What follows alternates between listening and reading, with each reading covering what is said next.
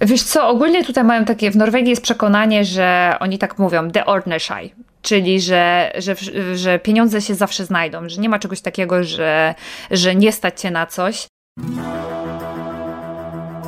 Jak odnaleźć się w finansach? Jak sprawić, by pieniądze służyły realizacji naszych celów życiowych? Na te oraz inne pytania odpowiadają goście podcastu Po ludzku o pieniądzach, którego partnerem jest Generali Investments TFISA i który mam zaszczyt prowadzić. Nazywam się Radosław Budnicki, na co dzień prowadzę podcast Lepiej Teraz i nie jestem internetowym guru zarabiania. Rozmawiam tylko po ludzku o pieniądzach z ekspertami, którzy zrozumiałym językiem tłumaczą zawiłości finansów i to, jak sprawić, by pieniądze nam służyły, a nie nami rządziły. Serdecznie zapraszam.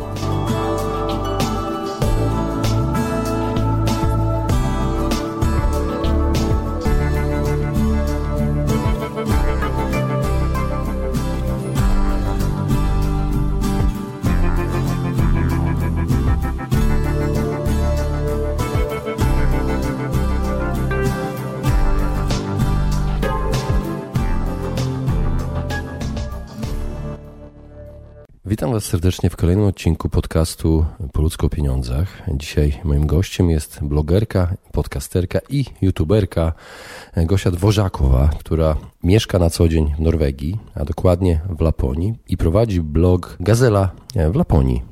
Postanowiłem ją zaprosić do podcastu, żeby podzieliła się swoimi doświadczeniami dotyczącymi pieniędzy.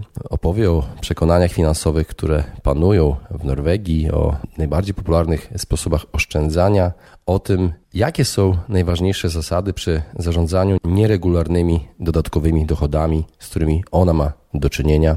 Opowie o tym, czy widzi różnice w podejściu do zarządzania pieniędzmi w Polsce i w Norwegii, jak przejawia się norweski minimalizm, i co ją zaskoczyło w podejściu do pieniędzy u Norwegów.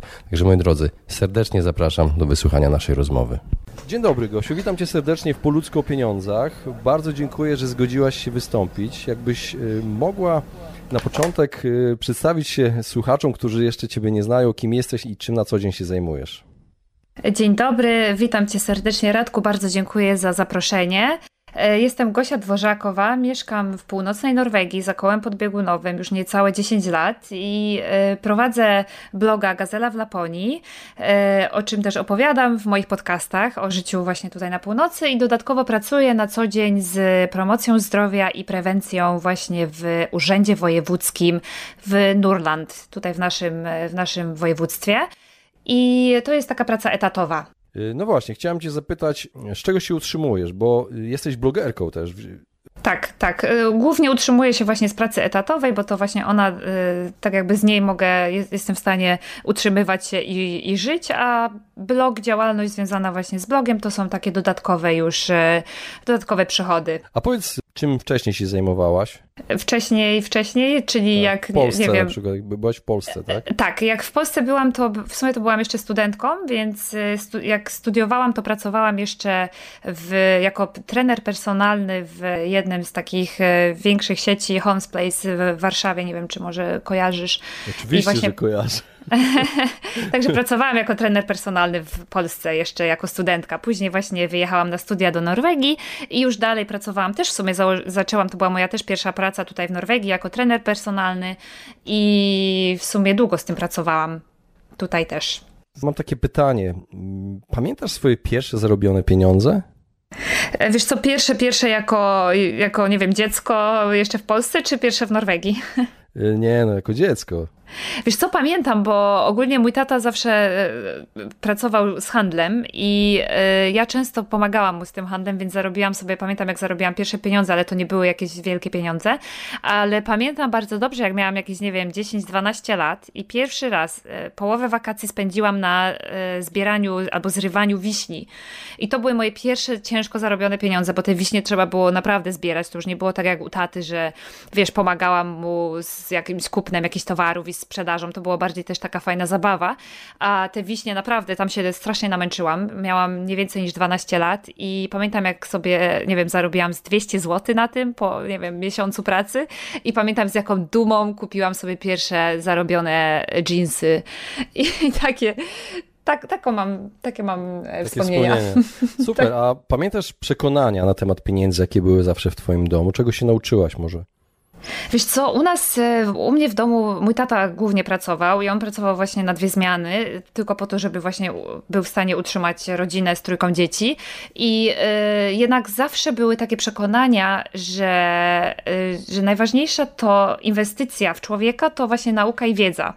I u mnie w domu bardzo dużo się właśnie stawiało na tą wiedzę, na to, żeby się dobrze wykształcić. Y, u mnie w domu mówiło się to, żeby uczyć się nie po to, żeby jak najwięcej wiedzieć, ale po to, żeby jak najwięcej więcej rozumieć i żeby być po prostu tym, kim e, chcę być w przyszłości i po prostu, żebym poznawała moje naturalne zdolności, jakie mam e, żeby iść w tym kierunku. Także tak jakby, że tak powiem, ta, wie, ta nauka była taką największą, e, największą, nie wiem, inwestycją. Czyli rozumiem, że te przekonania w jakiś sposób ci się przydały teraz. Bardzo, bardzo. Słuchaj, ja przez to, że tak mi wpoili w domu, ucz się, ucz i będziesz miała, e, wiesz, lepszy start później, jeśli chodzi o karierę, to ja właśnie przez to e, wyjechałam, tak jakby podniosłam sobie poprzeczkę wyżej, bo zamiast studiować w Polsce, to wyjechałam do Norwegii, gdzie zaczęłam studiować najpierw po angielsku, a później szybko zrozumiałam, że jak chcę w tym kraju być, to muszę nauczyć się języka, więc szybko nauczyłam się języka i po roku dostałam się już na studia magisterskie, gdzie jak jeszcze nie skończyłam tych studiów magisterskich i już dostałam pracę w zawodzie. Także uczyłam się, uczyłam się i tak naprawdę to e, zaowocowało, bo to była moja największa inwestycja, jaką kiedykolwiek zrobiłam, inwestycja w siebie. No dobrze, mieszkasz w Norwegii już 10 lat, tak? Niecałe 10, 8,5. Niecałe 10. Powiedz, jakie przekonania finansu, finansowe panują e, w Twoim obecnym otoczeniu u, u Norwegów? Czy mogłabyś coś więcej na ten temat powiedzieć? Wiesz, Czy coś zaskoczyło na przykład u nich? Czym się różni od Polaków i tak dalej? Wiesz co, ogólnie tutaj mają takie, w Norwegii jest przekonanie, że oni tak mówią, the ordnashai, czyli że, że, że pieniądze się zawsze znajdą, że nie ma czegoś takiego, że, że nie stać się na coś, bo e, no nie oszukujmy się, tutaj w Norwegii, Norwegia w latach 50. Po, po tym jak e, zostały odkryte złoża ropy naftowej e, i po tym jak zaczęło, jak, jak dobrze kraj zainwestował w to, to zaczęło się tutaj bardzo dobrze żyć, bo wcześniej była tu ogromna bieda i te generacje tutaj, które teraz tak naprawdę żyją, już te nowe generacje, to one nie, nie odczuły tej biedy i nie pamiętają tej biedy. I e, tutaj żyje się z takim przekonaniem, że, że nie, tak jakby nie goni się za pieniądzem. Nie robią sobie tak jakby, nie powiem, że nic z pieniądza, ale po prostu pieniądz jest tak, tak jak masz zdrowie, e, tak masz też pieniądze. A możesz je mieć albo nie mieć. E, albo możesz je, nie, że nie mieć, ale możesz ich mieć mniej. Więc, więc pieniądze tutaj zawsze się znajdą. Takie są przekonania w Norwegii, takie są przekonania u mnie w pracy i tym żyją tak jakby mieszkańcy. Poza tym też tak, taki przykład dam, na przykład tutaj teraz e, e, sytuacja pandemii, e, sytuacja po prostu jednego wielkiego wstrząsu całym światem, całą gospodarką na całym świecie spowodowała ogromny, ogromny kryzys, jakby nie patrzeć, prawda? A w Norwegii jednak ten kryzys oprzedł się, albo, albo, że tak powiem, nie był tak bardzo odczuwalny i nie jest tak bardzo odczuwalny, bo ekonomicznie, e, tak jakby, e, czy prywatne firmy, czy, czy państwowe też na tym nie ucierpiały, bo wszystkie sektory dostały właśnie dofinansowanie rządowe e, jako taką rekompensatę za to, co się, za to, że daj, dajmy na to kraj stał w miejscu. Dobrobyt po prostu pomaga w jakiś sposób, ta nadwyżka chyba budżetowa. Tak i zasoby budżetowe, które pozwalają na y, zastrzyk gotówki dla firm. Dokładnie tak. A znasz jakieś takie najbardziej popularne sposoby oszczędzania w Norwegii? Czy Norwegowie w ogóle oszczędzają? E, wiesz co, oszczędzają i nie. To jest też taka, taki ciężki temat, bo po pierwsze to ci, co chcą, chcą e, tak jakby oszczędzać, to kupują mieszkania, kupują właśnie, inwestują w nieruchomości i tutaj praktycznie nie ma czegoś takiego, że ktoś wynajmuje mieszkanie. Tu praktycznie każdy kupuje mieszkanie albo domy, albo posiadłości od razu, e, bo to jest największa i najlepsza inwestycja, bo płacisz sobie, a nie komuś. Więc po pierwsze to, a też bardzo popularne popularna jest też inwestycja do papierów wartościowych. Także to są takie dwie główne inwestycje, albo, albo, albo że tak powiem, e, sposoby oszczędzania. Słyszałem, że prowadzisz dodatkową działalność turystyczną, tak? Jest też coś takiego jako jeden mm. z dochodów Twoich? E, tak, tak, to jest taki mój dodatek. Mhm. Właśnie mam do Ciebie pytanie związane z tym. Jakie są najważniejsze według Ciebie zasady przy zarządzaniu takimi nieregularnymi, dodatkowymi e, dochodami, bo masz stałą pensję pracując na tak, etacie tak, tak, w tak. województwie w urzędzie wojewódzkim. Mhm. Pojawiają się takie dodatkowe. W jaki sposób traktujesz te pieniądze? One od razu idą na oszczędzanie, czy od razu, że tak powiem, coś się znajdzie, żeby wydać je? Wiesz co, ja właśnie ja traktuję te pieniądze jako mój środek do własnego rozwoju i środek do inwestycji albo w siebie, albo właśnie w lepszy sprzęt, jeśli chodzi o to, bo, bo to tak jak powiedziałeś, my tutaj organizujemy też wycieczki z mężem. E, ja sprzedaję e, mój pierwszy polski przewodnik po Lofotach, e, sprzedaję też webinary na ten temat, więc ja po prostu wszystkie zarobione pieniądze staram się jakkolwiek zainwestować właśnie w to, w to moje pasje, w bloga albo właśnie w takie w, w, lepszy sprzęt, jeśli chodzi o robienie zdjęć, o nagrywanie, bo my się też tym zajmujemy. Też sprzedajemy filmiki, też nagrywamy specjalnie dla, dla różnych firm, firm e, właśnie tutaj z tych egzotycznych, arktycznych e, klimatów. E, tak jakby robimy Robimy tak jakby zdjęcia też do y, jakiejś takiej wiesz, y, no po prostu reklamy, reklamy robimy. Więc ja, ja zawsze w momencie, kiedy zarabiam jakieś pieniądze, to staram się patrzeć na to, w jaki sposób mogę je dalej zainwestować, żeby po pierwsze, żeby, żebym miała lepszy produkt, a po drugie, żebym mogła, żebym mogła robić jeszcze lepsze y, usługi, czyli, czyli żeby ta jakość tego, co robię, była jeszcze lepsza. Więc nie boję się inwestować w siebie i w sprzęt. Mhm, czyli tych dodatkowych dochodów nie przejadacie, tylko staracie się je inwestować po prostu. E, nigdy w ten sposób nie myślałam, żeby je przejadać. Nie, to chyba by było tak, nie, nie, nie, tak nie myślę. A widzisz jakąś różnicę w podejściu do zarządzania finansami ludzi w Polsce i w Norwegii? E, wiesz co, e, wydaje mi się, że e, w Norwegii, albo mam takie wrażenie, że właśnie w Norwegii mało się mówi o ogólnie, jeśli chodzi o pieniądze jako o temat, czy nie wiem, czy jak się spotkasz gdzieś z kimś, to, to tak naprawdę tutaj pieniądze nie grają roli i jak masz dobry pomysł, jak masz naprawdę jakąś świetną ideę, to tutaj zawsze się pieniądze znajdą, więc, więc to nie, nie jest temat, który, który byłby, że tak powiem, główny w jaki sposób można zarobić, żeby szybko się wzbogacić. Tutaj się o tym nie rozmawia i mam wrażenie, że tutaj ludzie nie biegają za pieniądzem, tak jak może robi się to, nie wiem, w Polsce, albo tak jak się kiedyś robiło, jak tam mieszkałam, e, ale tutaj bardziej biegają za takim przeżyciem, za doświadczeniami, na które oni mogą wydać te pieniądze bez skrupułów. I, e, i czasem mam wrażenie, że tutaj trochę ludzie może żyją ponad stan bo, bo tak jakby gonią bardziej za to, co mogą kupić, za, to, za, te, za, te, za tymi przeżyciami i za to, na co mogą wydać te pieniądze, aniżeli za to, jak mogą je zarobić. A słyszałem o czymś takim jak norweski minimalizm. Czy jest coś takiego u Norwegów?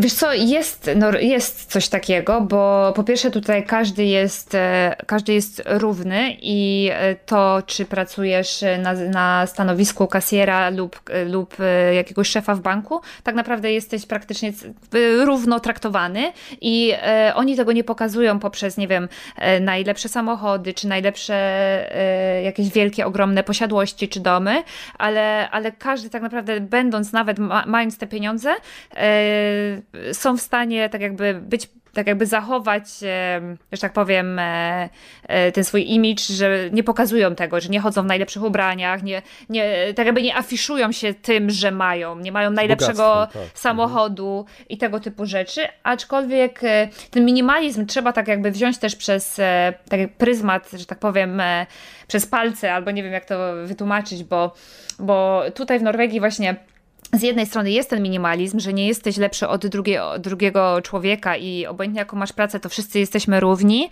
a z drugiej strony, z drugiej strony na przykład taki przeciętny Norwe, Norweg posiada jeden duży dom, dodatkowo jedną chatkę gdzieś nad morzem albo w górach, posiada jeden swój, nie wiem, jakąś swoją łódkę, e, co sezon kupuje najnowsze narty, bo oczywiście już są lepsze i możesz szybciej e, sobie po, pojeździć, e, wydaje dużo pieniędzy na przykład na sprzęt, jeśli chodzi o konsumpcję w tym kraju, to jest po prostu prostu jedna z najwyższych konsumpcji e, na całym, tutaj w całej Europie, więc, więc to też trzeba brać taki, przez taki pryzmat takiej dwuznaczności, bym powiedziała. Czyli to nie jest taki minimalizm w ograniczaniu się w zasobach, tylko bardziej w niepokazywaniu e, swojej tak, tak. zamożności. Ludzie nie obnoszą się podobnie chyba, to chyba jest podobne do tej filozofii Lagom, o której zrobiłem odcinek tak. celowy do Poludzko o pieniądzach, tej szwedzkiej filozofii Lagom, gdzie w metrze nie odróżnisz kogoś, kto siedzi na kasie od kogoś, kto jest właścicielem startupu. Dokładnie tak, tak, dokładnie tak, dokładnie tak. Mhm. Chciałem Ci zadać pytanie, czy coś Cię zaskoczyło w podejściu do pieniędzy u Norwegów, ale wydaje mi się, że właśnie chyba to, co powiedziałaś.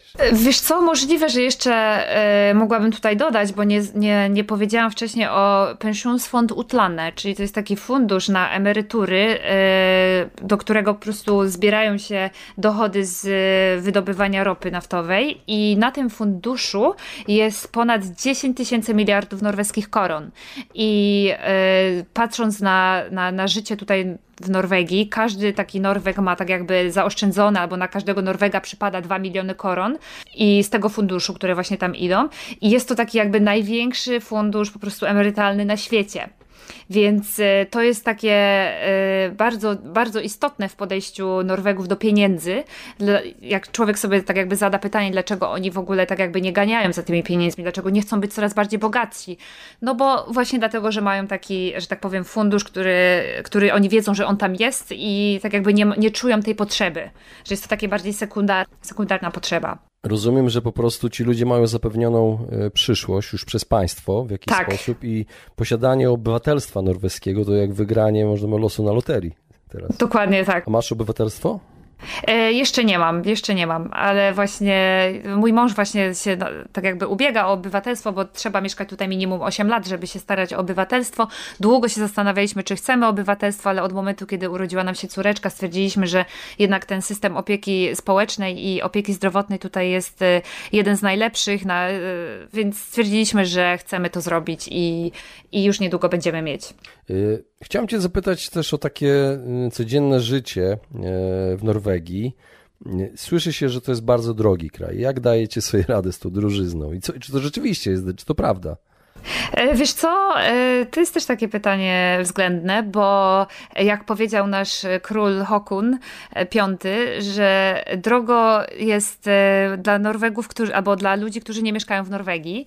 I, I to jest prawda, bo w momencie, kiedy mieszkasz w Norwegii i zarabiasz w norweskich koronach, to tak naprawdę to nie jest dla ciebie drogie życie. Oczywiście, że nieruchomości, mieszkania są drogie, ale jesteś w stanie z, tak, tak jakby z dwóch wypłat, albo nawet z jednej wypłaty przeżyć i normalnie żyć e, w tym kraju.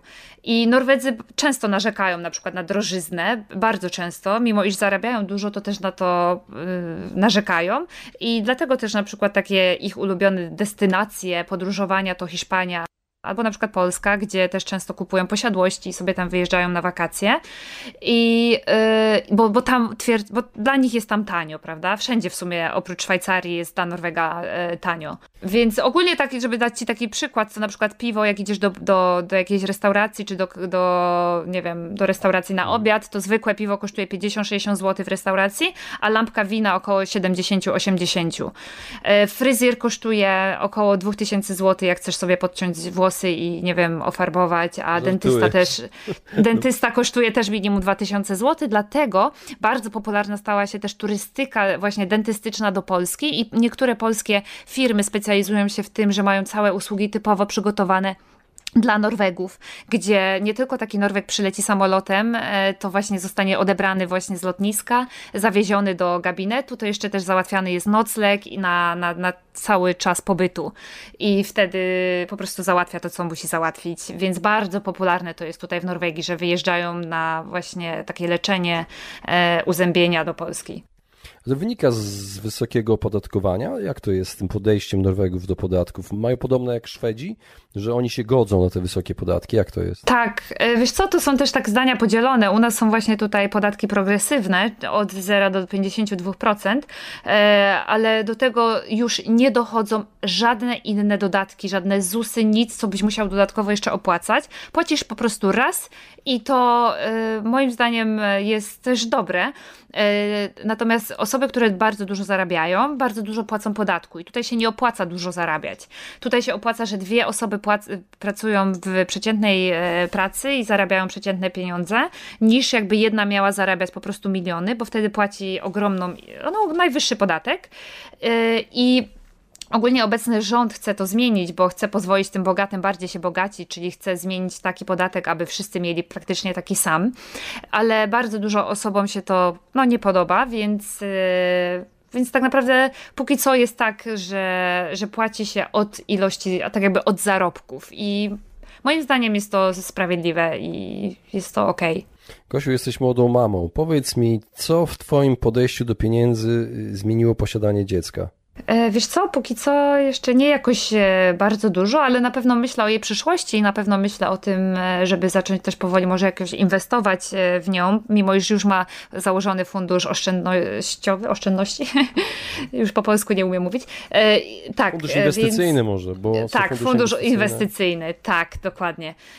Więc taki spare, spare bank, bym to powiedziała po norwesku i i na przykład póki co jeszcze nic się takiego głębszego nie zmieniło, bo jestem jakby nie patrzeć jeszcze młodą mamą, ale tutaj na przykład e, państwo, z tego co, jeśli mogę dać taki przykład, to, to właśnie w, od momentu, kiedy zostaliśmy rodzicami, to płacimy już mniejszy podatek, to są w skalach e, paru, procent, paru, paru procentowych.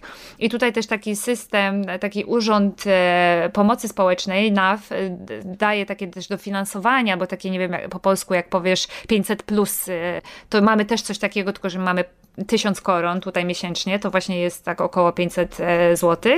I też co jest tutaj też fajnego, jeśli chodzi o o rodzicielstwo, to fakt, że, y, że poza, poza tym macierzyńskim, który przysługuje mamie albo 6 miesięcy na y, tak jakby 6 miesięcy macierzyńskiego, gdzie zarabiasz, gdzie dostajesz tak jakby 100% swojego wynagrodzenia y, lub 9 miesięcy z 80% twojej wypłaty, to też dodatkowo musi wziąć, że tak powiem, iść na tacierzyński ojciec dziecka. I to, i to jest też w granicach minimum 15 15 tygodni musi być na tacierzyńskim, więc to jest świetna sprawa. I w sumie, jak, jak mnie pytasz już o te finanse albo o to podejście, co zmieniło dziecko, to fakt, że oboje pozwoliliśmy sobie na, na trzy miesiące bezpłatnego, po to, żeby być po prostu z dzieckiem, po to, żebyśmy byli razem, e, tak jakby e, cała rodzina, żebyśmy byli razem i mieli wolne w tym samym czasie, zamiast po prostu sobie oddać dziecko i uciec do pracy. 500 plus norweskie starczy na 5 piw. dokładnie, dokładnie tak. E, a mm, Zapytam Cię może o plany też. Czy masz jakieś plany finansowe? Planujecie w jakiś sposób inwestować w przyszłości pieniądze? Bo rozumiem, słyszałam, że rozwijasz bloga i chciałabyś w jakiś sposób pójść w tym kierunku turystyki. Macie mhm. jakieś plany finansowe na emeryturę być może? Wiesz co, my tutaj jest tak dobrze ta emerytura zorganizowana, ten system jest naprawdę tak e, genialny, że, że my tak daleko nie myślimy, o, jeśli chodzi o emeryturę, ale, ale to, co my inwestujemy, to jest czas. E, czas dla nas jest to po prostu, naj, czas jest na wagę złota i czas jest dla nas niesamowicie ważny i to jest po prostu taki lukratywny, że w momencie, kiedy my na przykład często też pracujemy, e, robimy nadgodziny, czy podróżujemy w pracy, to później zamiast brać, dajmy na to dodatkowe dodatkowych pieniędzy, to my często bierzemy po prostu sobie wolne, żeby móc spędzić ten czas razem. I poprzez ten wolny czas też tworzymy i bloga i, i, i też chodzimy na, na wycieczki, wyprawy, bo to jest to, z czego my też tak naprawdę żyjemy. I, yy, i inwestujemy w ten sposób, albo chcemy inwestować dalej do tego i chcemy tak jakby rozwijać tą działalność, żeby może w przyszłości żyć tylko z tego i nie być od, tak jakby uzależnionym od pracy etatowej, która y, poniekąd jest bardzo fajna, bo jest stabilna. Y, ja, ja bardzo lubię to, co robię, aczkolwiek z drugiej strony fajnie byłoby po prostu móc żyć y, własną pasją. I to jest coś, co chcielibyśmy do przyszłości zrobić. Może bardziej iść właśnie w takiego typowo, taki wilderness terapii albo albo po prostu organizować jakieś takie y, silniejsze ekspedycje na biegówkach e, dla, dla zainteresowanych właśnie takimi arktycznymi przeżyciami. Super, Gosiu, bardzo dziękuję Ci za rozmowę i mam nadzieję, że będziemy więcej mogli przeczytać lub posłuchać Twoich podcastów. Na koniec, jakbyś mogła powiedzieć, gdzie można Cię znaleźć w internecie. E, tak, zapraszam na mojego bloga gazela w Laponii.pl, na Instagram Gazela w Laponii, na podcast, w którym opowiadam właśnie o życiu na dalekiej północy i o właśnie takich ciekawostkach związanych z tym, jak żyje się w Norwegii. Także zapraszam serdecznie tam. Bardzo dziękuję za rozmowę. Dziękuję również, pozdrawiam serdecznie.